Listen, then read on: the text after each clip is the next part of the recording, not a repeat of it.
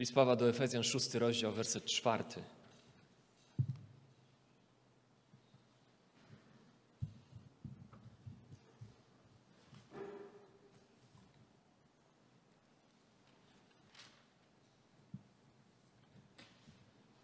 A wy, ojcowie, nie pobudzajcie do gniewu dzieci swoich, lecz napominajcie i wychowujcie je w karności dla Pana. Czy też jak w zeszłym tygodniu przytoczyłem przekład Dąbrowskiego, który o wiele lepiej oddaje znaczenie tekstu greckiego, a wy, ojcowie, nie pobudzajcie do gniewu dzieci waszych, ale wychowujcie je w karności i nauce pańskiej. Rodzicielstwo, ojcostwo, rodzicielstwo w ogóle jest, jest ciekawą, ciekawym przeżyciem. Jest takim miksem błogosławieństwa z wyzwaniem, z trudnością, z odpowiedzialnością. Kilka takich może śmiesznych cytatów na temat rodzicielstwa, które są trochę humorystyczne, a myślę, że każdy, kto e, rodzicielstwa doświadczył, też pewnie będzie mógł się łatwo odnaleźć w tych cytatach jako prawdziwych. Najlepszym sposobem na zwrócenie uwagi dziecka jest usiąść na sofie i sprawiać wrażenie, że jest ci wygodnie. Jeśli ewolucja jest prawdą, to jakim sposobem matki wciąż mają tylko dwie ręce? Inny cytat. Nie chciałabym spać jak dziecko. Chciałabym móc spać jak mój mąż. Bycie rodzicem jest jak składanie prześcieradła z gumką. Nikt nie wie, jak to zrobić. Zanim zostałem rodzicem, nie wiedziałem, że mogę zrujnować komuś dzień, prosząc, by ubrał spodnie. Prawda? Jedno dziecko sprawia, że stajesz się rodzicem, dwoje dzieci sprawia, że stajesz się sędzią, który ciągle musi coś rozsądzać. Ciesz się dniem, w którym kupiłeś minivana, bo to jest ostatni dzień, w którym widziałeś go czystym. Jeśli nie jesteś pewny, czy twoje dzieci są w domu, wyłącz Wi-Fi, a wkrótce zaczną się pojawiać. Dwulatek jest trochę jak włączony blender, z tym, że bez pokrywki. I ostatnie, może milczenie jest złotem. No, chyba, że masz dzieci, wtedy jest podejrzane. Więc rodzicielstwo jest jedną z najpiękniejszych, na pewno jedną z najpiękniejszych rzeczy w życiu człowieka, w życiu rodziców. Jednocześnie jedną chyba z najtrudniejszych. Rodzicielstwo prawie jak nic w tym życiu. Z jednej strony sprawia głęboki e, ból, a z drugiej strony ogromne szczęście. Doprowadza do łez smutku, ale także i do łez ogromnej radości i wraz z błogosławieństwem rodzicielstwa ma miejsce ogromne wyzwanie i ogromna odpowiedzialność. Patrzyliśmy, patrzymy od kilku tygodni, jak odpowiedzialnością dzieci wobec rodziców, to co jest opisane, Paweł opisał w pierwszych trzech wersetach szóstego rozdziału, jest być posłusznymi rodzicom, jest obdarzanie rodziców czcią, y, uznaniem, wysokim uznaniem. Natomiast odpowiedzialnością rodziców, to co widzimy w wersecie, w wersecie czwartym, a w szczególności ojców, jest niepobudzanie dzieci do gniewu i wychowywanie ich w karności i nauce Pana. I Paweł, choć zapewne ma tutaj na myśli oboje rodziców, nie ogranicza tutaj obowiązku rodzicielstwa i wszystkiego, co Słowo Boże na temat rodzicielstwa ma do powiedzenia tylko do roli ojców, zapewne ma na myśli oboje rodziców, to jednak tutaj kładzie wyraźny nacisk na rolę ojca, jako właśnie tego, któremu w Bożym zamyśle, jako mężczyźnie, została powierzona funkcja, rola autorytetu. To jemu zostało powierzone prowadzenie rodziny. I widzimy to nie tylko w tym fragmencie, ale widzimy to w tym szerszym fragmencie o rodzinie, o domostwie chrześcijańskim. Widzimy to w kontekście małżeństwa. Efezjan 5 rozdział od wersetu 23 tam widzimy, że to mężczyzna, jako ten, który jest głową żony, posiada daną od Boga rolę przywództwa, posiada daną od Boga rolę autorytetu, prowadzenia. I ma w sprawowaniu tego przywództwa i tego autorytetu co robić? W sprawowaniu tego autorytetu i przywództwa ma kochać żonę, ma poświęcać się swojej żonie, ma służyć swojej żonie, ma kochać ją miłością Chrystusową, wyrzekając się siebie samego dla jej korzyści, zabiegając o jej uświęcenie. I tutaj Efezjan 6:4 znowu mężczyzna. Mężczyzna jako ten, który jest ojcem swoich dzieci, posiada daną od Boga rolę przywództwa, dany od Boga autorytet, rola prowadzenia. I znowu w sprawowaniu tego autorytetu, w sprawowaniu tego prowadzenia przywództwa ma zabiegać o największe dobro swoich dzieci, wskazując im na prawdy i na piękno Pana. Przywództwo, autorytet według pisma jest służbą i poświęceniem się dla korzyści innych. Przywództwo i autorytet według pisma nie jest narzędziem do wykorzystywania innych dla swojego dobra. Tak to może działać w świecie i tak to zazwyczaj działa w świecie, ale nie tak to działa w zamyśle Bożym. I spojrzeliśmy w zeszłym tygodniu na tą pierwszą rzecz, którą Paweł mówi do ojców w ich sprawowaniu tego ojcowskiego autorytetu. I tą pierwszą rzeczą było narzucenie swego rodzaju hamulców na sposób, w jaki ojcowie sprawują ten autorytet nad swoimi dziećmi. Narzucenie pewnych granic, zahamowania sposobu sprawowania tego autorytetu, przywództwa.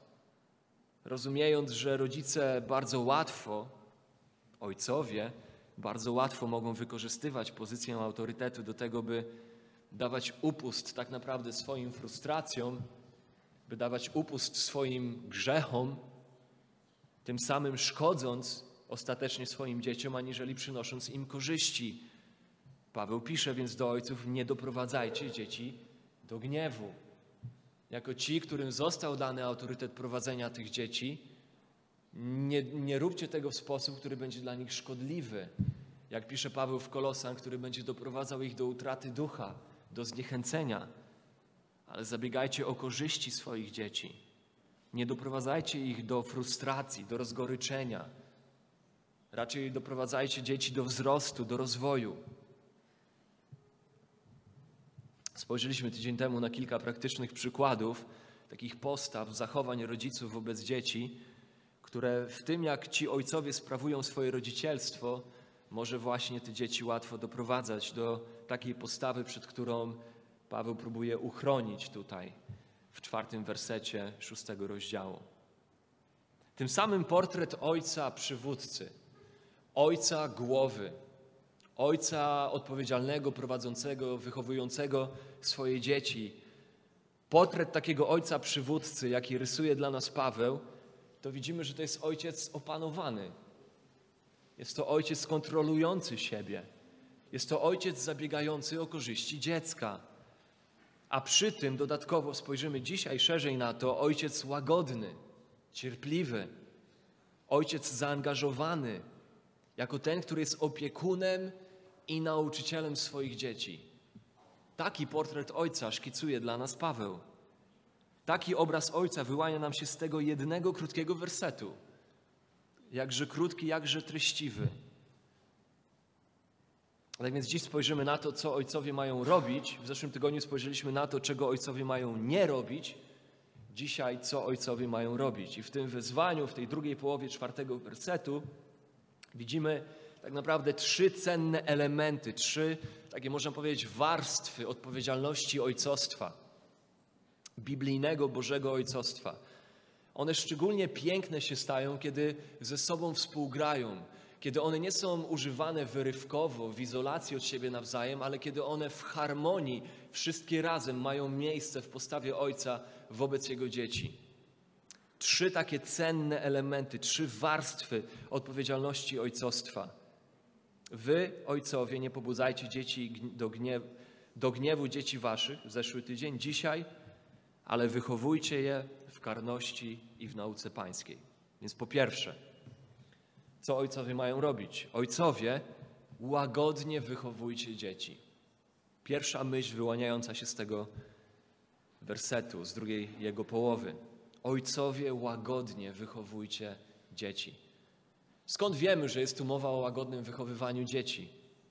No chociażby stąd, że to słowo, którego tutaj Paweł używa, greckie słowo ektrefo, które jest przetłumaczone jako wychowujcie, czy też w Warszawce, no trochę mylnie, e, znaczy no tu jest w ogóle kolejność pomylona w Warszawce, lecz napominajcie i wychowujcie je w karności dla Pana, więc tutaj się wydaje, że pierwszą rzeczą, do której wzywa Paweł w Warszawce jest napominanie, ale tak naprawdę jest to wychowywanie, jest tą pierwszą rzeczą, jest tym pierwszym nakazem.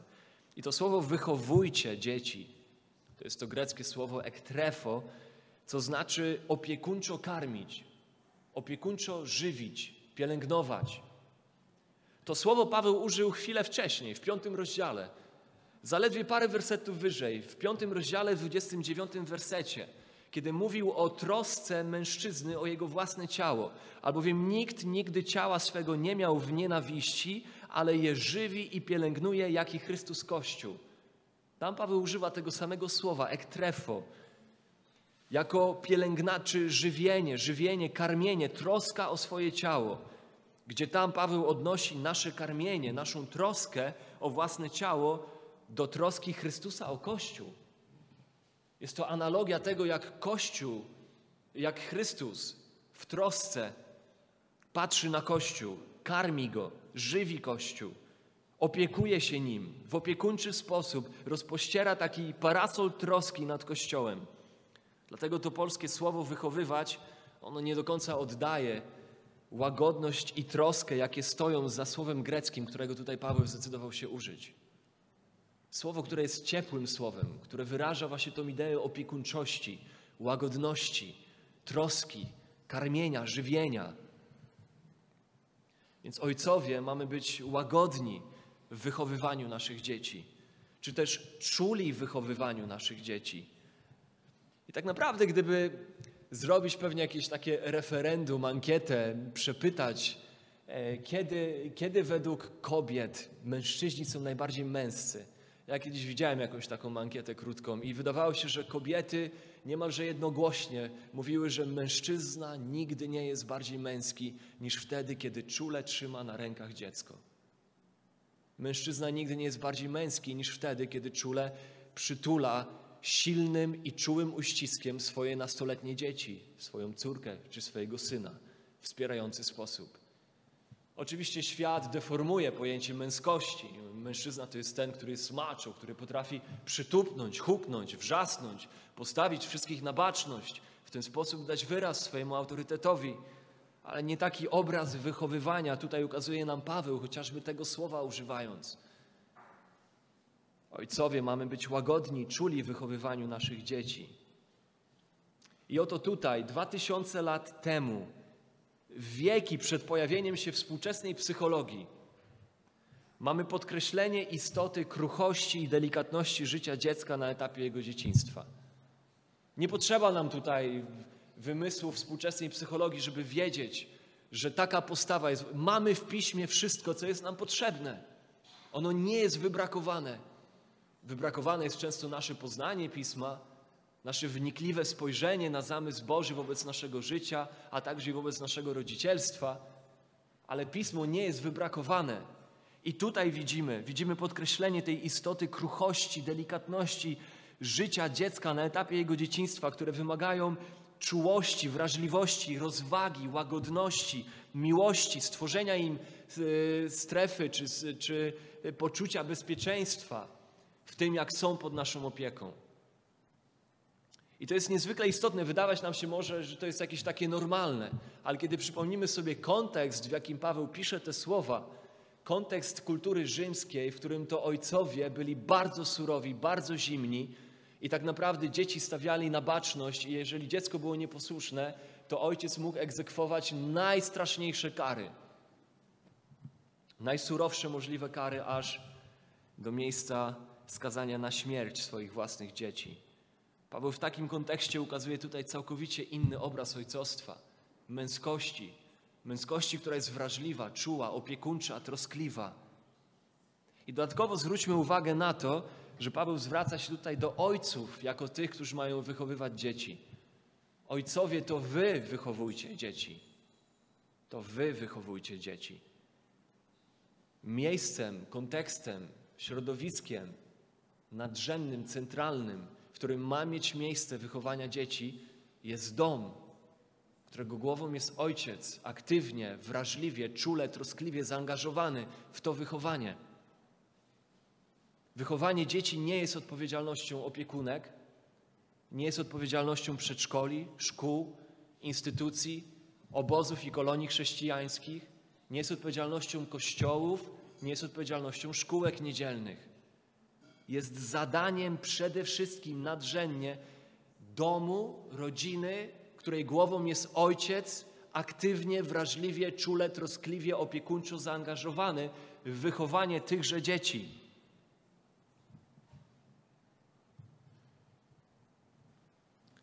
Duże domy, ładne samochody, długie, ekstrawaganckie wakacje, prestiż, pozycja, popularność, także i w służbie kościelnej, nigdy nie powinny być ołtarzem, na którym poświęcamy dobro naszych dzieci, które zostały powierzone pod naszą odpowiedzialność, zaniedbując je dla którejkolwiek z tych rzeczy, dla którejkolwiek z tych rzeczy.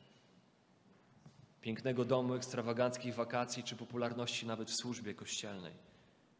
Rodzice powinni w zdrowo zazdrosny sposób chronić tego przywileju i odpowiedzialności narzuconej im przez Boga, które zostały im dane przez Boga. Oczywiście, że z rozsądkiem i rezerwą możemy powierzać swoje dzieci wpływowi Kościoła, wpływowi szkoły, lecz nigdy nie powinniśmy z tej odpowiedzialności rezygnować, oddawać tej odpowiedzialności żadnej innej instytucji, żadnemu innemu podmiotowi. Nikt nie może i nie powinien zastępować domu z ojcem na jego czele. Ojcowie, wychowujcie więc dzieci swoje. Tutaj tak wiele praktycznych rzeczy można byłoby zawrzeć w tym jednym wezwaniu. Co ojcowie mogą robić, jak mogą to robić, co jest ich odpowiedzialnością. Parę takich praktycznych wskazówek, kiedy może nie wiemy, nie wiemy, jak tą rolę ojcowskiego wychowywania, troskliwego, opiekuńczego praktykować. Z wiele sposobów. Wypracowywanie pewnego rodzaju zwyczajów rodzinnych, gdzie to my jako ojcowie inicjujemy i nadzorujemy i prowadzimy jakiś wspólny czas, przysłowie. Można wykorzystać różnego rodzaju katechizmy na przykład raz w tygodniu, przechodząc przez pytania tych katechizmów i ucząc swoje dzieci odpowiedzi z tych katechizmów. Można oczywiście mieć taką prostą rzecz jak wspólne czytanie Biblii ze swoimi dziećmi, ze swoją rodziną. Można wypracować zwyczaj omawiania kazań czy studiów biblijnych, które mają miejsce w tygodniu, gdzie na przykład zasiada, siadając przy stole rodzinnym poświęcamy pierwsze 5-10 minut, żeby każdy mógł powiedzieć krótką myśl, którą zapamiętał z kazania, ze studium biblijnego, żeby w ten sposób też praktykować przywoływanie, rozpamiętywanie tego, czego się uczymy można wspólnie, czy też pewnie należy wspólnie pokazywać swoim dzieciom, czy wciągać ich wspólne dzielenie się Ewangelią z niewierzącymi, żeby moje dzieci widziały, jak ja opowiadam komuś Ewangelię. Wspólna modlitwa, ale też takie rzeczy jak wspólne gotowanie, wspólne sprzątanie, wspólne skręcanie regałów, kiedy to dzieci aktywnie są wciągane w aktywności tego ojca, tak żeby widzieć jego chrześcijański charakter nie tylko wtedy, kiedy jest przed nim otwarta Biblia, nie tylko wtedy, kiedy grzecznie siedzi w kościele, ale wtedy, kiedy właśnie przybija gwoździe i uderzy się młotkiem, wtedy, kiedy mu się coś rozsypie, wtedy, kiedy stawia, stawia czoła różnego rodzaju wyzwaniom codzienności. Prowadzenie swoich dzieci w uczniostwie na co dzień, na różne sposoby jest tym, co jest odpowiedzialnością ojców w tym wezwaniu, by wychowywać dzieci swoje. I to oczywiście, to wszystko, te wszystkie praktykowanie i stosowanie tych zwyczajów, ono będzie wymagało wielu wyrzeczeń, ono będzie wymagało dyscypliny. Może też wymagać dostosowania swojego stylu życia, bo może oznaczać potrzebę zrezygnowania z pewnych rzeczy. Ale pamiętajmy, że jest to rezygnacja z tych rzeczy, na rzecz danej nam przez Boga odpowiedzialności, jasno określonej przez Niego, niepodlegającej negocjacjom. Więc to wymusza na nas, na nas jako na ojcach, pytanie, Czy jestem świadom swojego czasu ze swoimi dziećmi? Czy jestem świadom czasu, który spędzam z moimi dziećmi? Czy spędzam go świadomie? Czy świadomie spędzam go jako wycelowanego w kierunku wychowywania ich? Czy jestem intencjonalny w tym, ile i jaki czas im poświęcam? Po drugie, ojcowie, dyscyplinujcie swoje dzieci. Ojcowie, dyscyplinujcie swoje dzieci. Po tym, jak już Paweł zaznaczył, czego ojcom nie wolno, jak już nałożył w pierwszej części tego wersetu hamulce na to, jak sprawują autorytet, i po tym, jak potem w tym wezwaniu do wychowywania podkreślił łagodność czy też troskliwość, opiekuńczość ich wychowywania swoich dzieci, teraz podkreśla dyscyplinę. Jakby teraz jest dopiero czas na podkreślenie dyscypliny. Rozumiejąc te dwie pierwsze myśli, rozumiejąc te hamulce, które muszą, mieć miejsce, tą kontrolę, która musi być narzucona na autorytet mężczyzny, ojca, i rozumiejąc opiekuńczość i troskliwość jego wychowywania, teraz dopiero Paweł wzywa do dyscypliny i używa tutaj greckiego słowa paideia. Greckie słowo odnoszące się do korygowania czyjegoś zachowania właśnie przez dyscyplinę, a nawet też przez karę. Słowo paideia. Wychowujcie dzieci. Warszawce mamy w karności. To jest to słowo. W karności. W dyscyplinie. Słowo to pojawia się w Hebrajczyków 12, zarówno w odniesieniu do ojców ziemskich, jak i do naszego Ojca Niebiańskiego, który czytamy wersety 10-11, który każe, czy też nawet lepiej dyscyplinuje nas dla naszego dobra, dla naszego dobra to robi, abyśmy mogli uczestniczyć w Jego świętości, aby sprawić wzrost, innymi słowy. Żadne karanie, żadna dyscyplina, tutaj znowu to słowo, nie wydaje się chwilowo przyjemne, lecz bolesne. Później jednak wydaje błogi owoc sprawiedliwości tym, którzy przez nie zostali wyćwiczeni. Więc paideia w Piśmie Świętym to dyscyplina, która ma na celu kształtowanie, ma na celu właśnie wychowywanie, ma na celu kształtowanie charakteru, moralności, kształtowanie umiejętności rozróżniania między tym, co dobre, a tym, co złe. Nie jest to karanie w sensie jakiegoś zadośćuczynienia, zemsty za to, że moje dziecko zrobiło coś złego, teraz ja mu pokażę. Absolutnie nie. Jest to dyscyplina, która nie wynika z gniewu ojca, nie wynika z jego urażonej pychy, dumy, nie wynika z, z, doznanej przez niego rany, nie wynika z chęci tego, że on teraz pokaże, że on się teraz wyżyje. Nie wynika z chęci wymierzenia sprawiedliwości swoim dzieciom, czy też wylania swojej frustracji, pokazania, kto tu rządzi i tak dalej, i tak dalej ale jest to dyscyplina pohamowana, opanowana, kontrolowana. Nie wynikająca właśnie z tego, że nerwy puściły, ale wynikająca z kontroli i spanowania nad sobą i z troski, wrażliwości, czułości o dobro tego dziecka. Jest to dyscyplina, która nigdy nie karci dzieci, nie dyscyplinuje dzieci, kiedy samemu jest się tym, który dyscypliny w tym momencie potrzebuje. Innymi słowy, jeżeli w danym momencie ja jestem w gniewie, jestem w złości, jestem sfrustrowany, mam grzeszną postawę, czyli ja sam jestem tym, który potrzebuje dyscypliny, to jest ostatni moment, w którym powinienem dyscyplinować swoje dzieci. To jest dyscyplina, która powinna mieć miejsce wtedy, kiedy ja sam nad sobą panuję, kiedy jestem pod kontrolą swoich emocji, swoich uczuć. Tutaj ma miejsce dyscyplina, karność, która ma miejsce w kontekście postawy niedoprowadzania dzieci do gniewu, do zniechęcenia. Dyscyplina, która pojawi, po, wynika z postawy troski, łagodności, opiekuńczości, wychowania dziecka w miłości, która kocha wystarczająco, by ukarać, kiedy trzeba i zdyscyplinować. To jest dyscyplina, która dyscyplinuje w wyniku miłości, a nie w wyniku gniewu i chęci wymierzenia sprawiedliwości. Tu nawet praktycznie też można byłoby wiele mówić o tym, jak nasze karcenie, nasze dyscyplinowanie w sposób wyrozumiały powinno mieć miejsce, w sposób rozumiejący naturę swojego konkretnego dziecka. Dyscyplina to nie jest jakiś szablon kar i nagród, który można skopiować od dziecka do dziecka i on zawsze przyniesie jakieś owoce. A to jest dyscyplina, która jest, wynika z wrażliwości tego ojca na troskę wobec jego własnych dzieci, w wyniku której tej wrażliwości, tej troski on rozumie charakterystykę każdego ze swoich dzieci i dostosowuje sposób tej dyscypliny do każdego z tych dzieci. Nie kopiując jej jak takiej, takiej foremki gdzieś tam przyjętej, która zadziała na każde dziecko identycznie. I na marginesie, kiedy autor listu do Hebrajczyków pisze w 12 rozdziale, żadne karanie nie wydaje się chwilowo przyjemne, lecz bolesne kiedy myślałem o tym fragmencie w tym tygodniu, to pomyślałem, i to wydaje mi się, że dopiero każdy, kto zostanie rodzicem, zaczyna rozumieć to naprawdę, jak to stwierdzenie jest prawdziwe dwubiegunowo. Oczywiście każda dyscyplina jest bolesna dla tego, który tę dyscyplinę odbiera, no bo to jakaś kara spada i to dzieci nie lubią kar, wiadomo, i to jest bolesne dla nich ale karanie, jak ono jest bolesne dla tego, który je wymierza.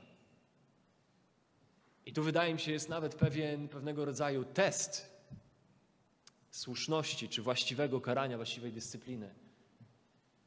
Kiedy ja rozumiem, że to będzie dla mnie bolesne wymierzyć jakąś karę, dyscyplinę, zdyscyplinować moje dziecko, to jest prawdopodobnie duża szansa, że mam właściwą postawę, by dyscyplinę wymierzyć kiedy ja odczuwam, że moje ukaranie, dyscyplinowanie mojego dziecka będzie dla mnie bolesne. Jeżeli we mnie jest jakiekolwiek poczucie, że moje dyscyplinowanie dziecka przyniesie mi ulgę i jakąś radość, bo teraz ja pokażę, no to to jest najprawdopodobniej czynnik wskazujący na to, że to jest ostatni moment, w którym powinieneś dyscyplinować. Żadne karanie nie wydaje się chwilowo przyjemne, lecz bolesne. I jakże ono bolesne jest dla rodzica, który nie chce doprowadzać dzieci do gniewu, nie chce gasić ich ducha, nie chce ich zniechęcać, chce troskliwie, opiekuńczo je wychowywać, ale rozumie, że dana postawa wymaga dyscypliny i każdy, kto rodzicem jest, doskonale wie, jak bolesny jest ten moment wymierzenia kary czy dyscypliny swoim dzieciom. Ja rozumiem, że wiele osób słuchając biblijnej nauki o wychowaniu, rodzicielstwie, szczególnie z naciskiem na jakąkolwiek dyscyplinę, może w środku się gotować. Temat bardzo drażliwy dzisiaj. I oczywiście musimy zrozumieć, że wahadło nigdy nie stoi w miejscu. Wahadło zawsze się odbija ze skrajności w skrajność. I musimy zrozumieć, że ostatnie kilkadziesiąt lat świat zachodni, to znaczy ten, w którym my żyjemy, przechodzi totalną rewolucję w kwestii wychowywania dzieci. Totalną. Kierunek, który obecnie dominuje w dziedzinie wychowania, w dużej mierze jest spowodowany czymś, co nazywa się wychowaniem wiktoriańskim. Nie wiem, może nie słyszeliśmy nigdy tego zwrotu, nigdy nie studiowaliśmy idei wychowania wiktoriańskiego, ale myślę, że e, moje pokolenie i wszyscy starsi na pewno wiemy w praktyce, czym jest wychowanie wiktoriańskie. I to, co dzisiaj obserwujemy, ten trend, ten kierunek, który przybiera współczesna ideologia wychowywania dzieci, jest w dużej mierze reakcją właśnie na wychowanie wiktoriańskie. Na początku XIX wieku wierzono, że najlepszym przyjacielem dziecka jest rózga. Dzieci na każdym kroku karano i to karano wyjątkowo brutalnie. To jest wychowanie wiktoriańskie. Posłuszeństwo w tamtym czasie było uważane za najwyższą cnotę. Za najwyższą cnotę nie było uważane zmienione serce, miłujące serce, tylko zewnętrzne posłuszeństwo. Wygenerowanie zewnętrznego, cielesnego posłuszeństwa. To była najwyższa cnota, a dobre dziecko to posłuszne dziecko. Może być faryzeuszem, ale posłusznym ma być. Koniec, kropka. Uważano, że grzech gnieździł się w ciele, więc właśnie stamtąd trzeba było grzech wypędzać bardzo brutalnymi karami. Dodatkowo w kręgach chrześcijańskich, wtedy w czasach wiktoriańskich, powoływano się także na pismo, na Biblię, jak chociażby przypowieści 13:24 Nie kocha syna, kto rózgi żałuje, kto kocha go, w porę go karci. Wykorzystywano te wersety na usprawiedliwienie swojej brutalności wobec dzieci. Jednak ani postawa, ani praktyka wychowania wiktoriańskiego nie miała nic wspólnego ani z kochaniem, ani z biblijnym wychowaniem. Ona była po prostu zwykłą brutalnością i zwykłym znęcaniem się. I to należy sobie powiedzieć wprost. To była po prostu przemoc i tyrania. Była wypaczeniem biblijnej miłości i biblijnej dyscypliny. Dzieciom nie pozwalało się na wyrażanie żadnej opinii, nie pozwalało się dzieciom na zadawanie pytań. Dzieci dostawały rozkazy i miały je wykonywać. Koniec, kropka. I możliwe, że dla wielu z nas jest to jedyny model dyscypliny, jaki znamy. A może dla wielu z nas jest to jedyny model dyscypliny, jakiego doświadczyliśmy. Model takiego wychowania, takiej dyscypliny był mocno obecny w Polsce, dominował w Polsce jeszcze za czasów PRL-u. Jeszcze w moim pokoleniu mocno dominował. I od tamtej pory zaczęła następować drastyczna zmiana. zmiana. W Polsce trochę później, na świecie zachodnim ona zaczęła trochę wcześniej dominować. Drastyczna zmiana. Wahadło zaczęło odbijać się w drugą stronę, w stronę drugiej skrajności. Społeczeństwo uznało, że dyscyplina w takim razie w ogóle jest zła. Jakby patrząc na pokolenia przed sobą, pokolenia deformujące dyscyplinę, używające dyscypliny jako przykrywki do brutalności, uznały, że dyscyplina w takim razie w ogóle jest zła. Dyscyplinę, a w szczególności jakiejkolwiek, jakąkolwiek jej formę cielesną, jak choćby klaps, zaczęto wrzucać do jednego worka z wojną, przemocą, przestępczością, znęcaniem się. Współczesny człowiek gardzi pojęciem kary czy też dyscypliny. Są to słowa, które budzą bardzo wiele negatywnych emocji. Pojęcia takie jak prawda, prawość, słuszność są dzisiaj pogardzane, są uważane za nietolerancyjne, separatystyczne. Z drugiej strony pojęcia takie jak pokój, szczęście, radość, przyjemność, tolerancja wyrażają to, co ceni współczesny człowiek jako nadrzędne. I takie, takie postrzeganie rzeczy znacząco wpłynęło na współczesny model wychowania, nawet w kręgach chrześcijańskich, tych chrześcijańskich szeroko rozumianych. W imię biblijnej prawdy o tym, że Bóg jest miłością, ignoruje się, lekceważy, a nawet gardzi się dzisiaj dyscypliną jakimikolwiek jej formami. Gardzi się prawdą, gardzi się świętością, sprawiedliwością. Boga dzisiaj nierzadko nazywa się w sposób taki trochę często zuchwały, nazywa się go tatusiem, a za najważniejsze wartości uważa się akceptację, tolerancję i zgodę. To są czasy, w których żyjemy. A tylko spróbuj się z tym nie zgodzić, to szybko się przekonasz na własnej skórze, jak tolerancyjne i akceptujące i wyrozumiałe jest to współczesne społeczeństwo, które tak mocno walczy o zgodę, o pokój i wyrozumiałość. W każdym razie, w wyniku odbicia się wahadła, żyjemy w czasach, w których zakłada się, że natura ludzka jest dobra, a to, czego potrzeba w wychowaniu dzieci, no to nic poza pozytywnymi bodźcami. To jest jedyna rzecz, której potrzeba. To są pozytywne bodźce, to jest afirmacja, które wybędą to, co w dziecku jest najlepsze, bo przecież to wszystko w dziecku jest. Dziecko jest dobre z natury, tam w nim znajduje się mnóstwo najlepszych, najwspanialszych rzeczy i teraz pozytywnymi bodźcami trzeba je po prostu wydobyć. Dziecko więc należy jedynie zachęcać, afirmować. Najważniejsze, budować u niego bardzo wysoką samoocenę, a już na pewno nie wolno w żaden sposób kontrolować, nie wolno karcić, nie wolno niczego odmawiać, nie wolno stresować dziecka, nie wolno oceniać, nie wolno krytykować, bo każda z tych postaw jest uważana za represyjną. To jest obecny kierunek wychowywania dzieci. I to widać, jak tak na marginesie ta postawa odcisnęła piętno na różnych sferach, jak ona odcisnęła piętno na, współczesnej, na współczesnych metodach edukacji, na współczesnym więziennictwie, kiedy więzienie dzisiaj już nie jest miejscem kary, jest bardziej miejscem resocjalizacji, reformy. E, współczesny system edukacji, a może nie będę w to wchodził dzisiaj. E, powinniśmy w każdym razie być świadomi, że to, jak w dużej mierze postrzegamy dzisiaj rzeczywistość, może być wynikiem pewnej kontrreakcji na skrajność, czy na skrajności, które miały wcześniej miejsce, miały miejsce w pokoleniach przed nami. I tak też jest w dużej mierze w kwestii wychowania dzieci. Kiedyś, jeśli dziecko sprawiało problemy, należało je złoić. Nawet takiego języka używano. Dzisiaj, kiedy dziecko sprawia problemy, pod żadnym pozorem i w żadnym wypadku nie należy go karcić i dyscyplinować. Zamiast tego należy dziecko co zrobić? Wysłać do psychiatry, do psychologa dziecięcego. Należy zidentyfikować problem, który nigdy oczywiście nie ma nic wspólnego z grzechem, bo chodzi o budowanie właściwej samooceny, więc nawet każdy grzech szufladkuje się w dziedzinę jakiegoś rodzaju zespołów, nadpobudliwości i tak dalej. I należy zaoferować odpowiednie leczenie, niezbędne do tego, by wydobyć z dziecka to, co dobre. I musimy rozumieć, że obie postawy z biblijnego punktu widzenia są skrajnościami. Są skrajnościami i są niebezpiecznymi dla społeczeństwa wypaczeniami Bożego porządku, Bożego zamysłu dla dobrobytu, pokoju i szczęścia człowieka.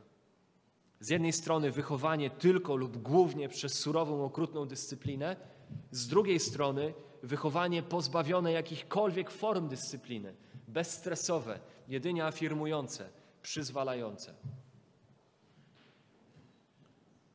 Biblijne, chrześcijańskie pojmowanie wychowania jest inne niż obie te skrajności. Jest inne od wychowania wiktoriańskiego i jest inne od wychowania współczesnego, współczesnej psychologii humanistycznej. Oba te modele, ten model wiktoriański i model psychologii humanistycznej, opierają się na niczym innym jak na mądrości ludzkiej i one są błędne. My oczywiście powinniśmy szukać mądrości w słowie i rozumieć, że rozwiązaniem dla problemu surowej dyscypliny nie jest brak dyscypliny. I rozwiązaniem dla braku dyscypliny nie jest wprowadzenie surowej dyscypliny. Rozwiązaniem na oba problemy, problemy jest właściwa dyscyplina. Właściwa, biblijna, kontrolowana, nasączona właściwą postawą Chrystusowej miłości i opiekuńczej troski dyscyplina. Temat bardzo rozległy, oczywiście nie jesteśmy w stanie go dzisiaj szczegółowo omówić, więc po trzecie, dobiegając do końca wersetu czwartego. Po trzecie, ojcowie, nauczajcie swoje dzieci. Ojcowie, nauczajcie swoje dzieci. Wychowujcie dzieci w karności i pouczeniu Pana. W pouczeniu Pana mamy tu greckie słowo, które bardziej konkretnie odnosi się do wychowywania werbalnego, słownego. Pierwsze słowo, słowo karność, dyscyplina, bardziej dotyka wychowania moralnego. E, drugie słowo bardziej dotyka wychowania mentalnego, świadomości tego, co to dziecko wie, co ono, co ono umie, co ono zna. Pierwsze dotyka zasad, swego rodzaju czynów tego dziecka. Drugie, to słowo pouczenie, dotyka słów, dotyka instrukcji, instruowania dzieci, nauczania, korekty, zachęty, napominania, z naciskiem na tą werbalną jego stronę. To jest dokładnie to, czego brakowało w domu Eliego. Eliego z księgi Samuela, pierwsza księga Samuela, trzeci rozdział, wersety 11 do 13. To jest to, co doprowadziło jego dom do ruiny. Brak tego właśnie pouczania doprowadził dom Eliego do ruiny. Tam czytamy, pierwsza Samuela, trzeci rozdział, 11 do 13. I rzekł Pan do Samuela, Oto ja uczynię w Izraelu rzecz, od której każdemu, kto o niej usłyszy, w obu uszach zadźwięczy. W dniu owym spełnię na Helim wszystko, co mówiłem o jego domu, od początku do końca. Donieś mu, że ja osądzę jego dom na wieki za grzech, o którym wiedział, że jego synowie znieważali Boga. On ich, a on ich nie strofował. Oczywiście wiemy, że Stary Testament został napisany w języku hebrajskim, ale mamy grecką formę, grecki przekład e, Starego Testamentu, który się nazywa Septuagintą. I w Septuagincie greckie słowo, którego użyto na przetłumaczenie tego hebrajskiego słowa obecnego tutaj w tym fragmencie, to słowo ich nie strofował, to jest to samo greckie słowo, ten sam korzeń tego słowa, które występuje w Efezjan 6:4 jako pouczenie. Pouczenie. To jest to, czego brakowało w domu Eliego. Brakowało pouczenia, klarownego instruowania, korygowania, nauczania dzieci jako niezbędnego do ich właściwego wychowania. I znowu, to stoi bardzo w sprzeczności z jednym ze współczesnych modeli wychowania. Stoi w sprzeczności z tak zwanym wychowaniem niedyrektywnym. Nawet jeżeli nigdy nie słyszeliśmy tego pojęcia technicznie, to na pewno się z nim spotkaliśmy, spotykamy się z nim na co dzień. Przesączone są w tym programy publicystyczne, e, jak to tam się nazywa, kawa o poranku, czy tam Dzień dobry TVN i wszystkie programy i wszyscy psycholodzy, którzy są zaproszeni, wszystkie blogi, wszystkie czasopisma są przesączone tą ideologią wychowania niedyrektywnego. W pewnym uproszczeniu wychowanie niedyrektywne ono polega na tym, że pozwala się dziecku samemu o wszystkim decydować. Że pozwala się dziecku wybierać, Dziecko w uproszczeniu, znowu w uproszczeniu, pozostawia się samemu sobie, by samo odnalazło swoją ścieżkę w życiu. Wychowanie niedyrektywne, znowu, ma swoje korzenie w współczesnej psychologii humanistycznej. Psychologii humanistycznej takiej postaci jak Carl Rogers, który to zakładał, że człowiek z natury jest dobry.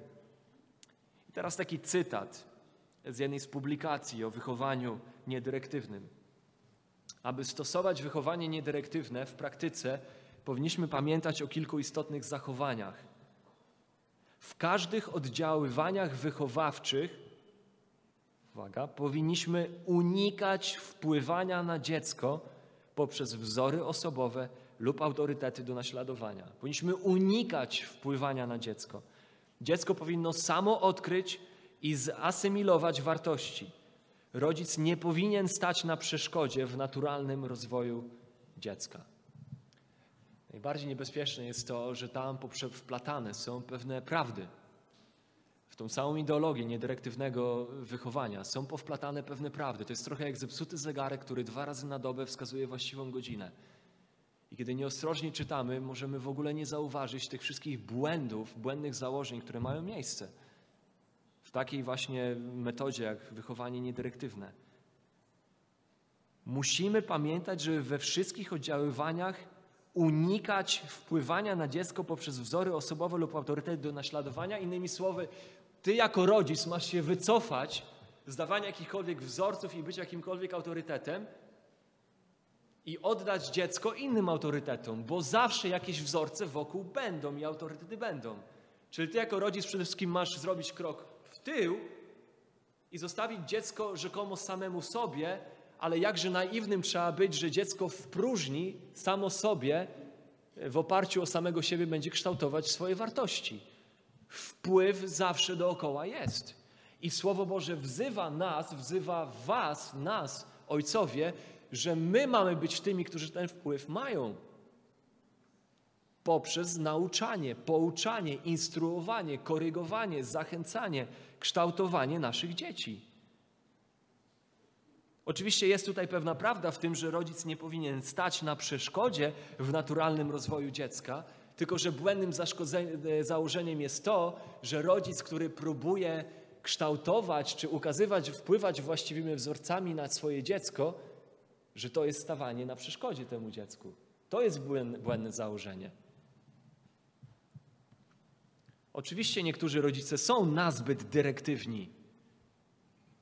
Oczywiście niektórzy rodzice są nazbyt dominujący, kontrolujący, manipulujący i tym samym hamujący rozwój dzieci w dojrzewaniu, w ich właściwym dojrzewaniu, w dochodzeniu do ich własnego poczucia odpowiedzialności i ich własnej umiejętności podejmowania ich własnych decyzji.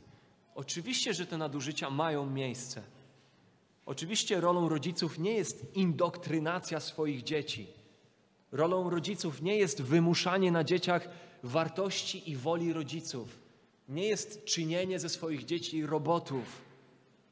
A raczej rolą rodziców jest mądra stymulacja, w której rodzice występują jako nauczyciele, pokazujący swoim dzieciom pewne prawdy, zarówno wyrażający je słowami, jak i pokazujący swoim życiem i zachęcający swoje dzieci do reagowania na te prawdy we właściwy sposób. Rodzice, ojcowie mają obowiązek uczyć swoje dzieci prawdy, prawd Bożych, wartości Bożych. Mają obowiązek uczyć swoje dzieci rozróżniać między dobrem a złem, chronić dzieci przed indoktrynacją innych. Tym samym w tym wszystkim starać się unikać niepotrzebnej presji, wiadomo, a tym bardziej przymusu. I kończąc ten werset, widzimy jedną krótką myśl wskazującą na treść tej nauki, tego wychowania. Widzimy, że treść tej nauki, jej centralny punkt wyrażony jest w tym ostatnim słowie tego wersetu. Wy, ojcowie, nie pobudzajcie do gniewu dzieci waszych, ale wychowujcie je w karności i w nauce pańskiej. Pańskiej. Biblia Warszawska dla Pana. I widzimy centralnym punktem skupienia w tym wychowaniu, dyscyplinie, pouczeniu, jak też główną treścią tego wychowania, tej dyscypliny, tego pouczenia jest nikt inny niż Jezus Chrystus, Pan. Innymi słowy, to wychowanie, jakim ojcowie mają wychowywać swoje dzieci, jest prawdziwie wychowaniem chrześcijańskim. Ma być wychowaniem Chrystusowym. To wychowanie, ta nauka ma wychodzić od ojców, których życia należą do Pana i przez Pana są kształtowane. To ma być takie wychowanie, taka dyscyplina, takie instruowanie i nauczanie, za którym stoi Pan i w którym widoczny jest Pan. Tak, aby widząc postępowanie i słysząc naukę swoich ojców, dzieci mogły zobaczyć atrakcyjność i piękno Pana. Tego Pana, którego ci ojcowie wyznają. Tak, by te dzieci mogły same zapragnąć za tym Panem pójść i Jemu służyć. Jak Dietrich Bonhoeffer powiedział, rodzice otrzymują dzieci od Boga i ku Bogu powinni je prowadzić. I tak oto wyłania nam się ten trzywarstwowy portret Bożego Ojca.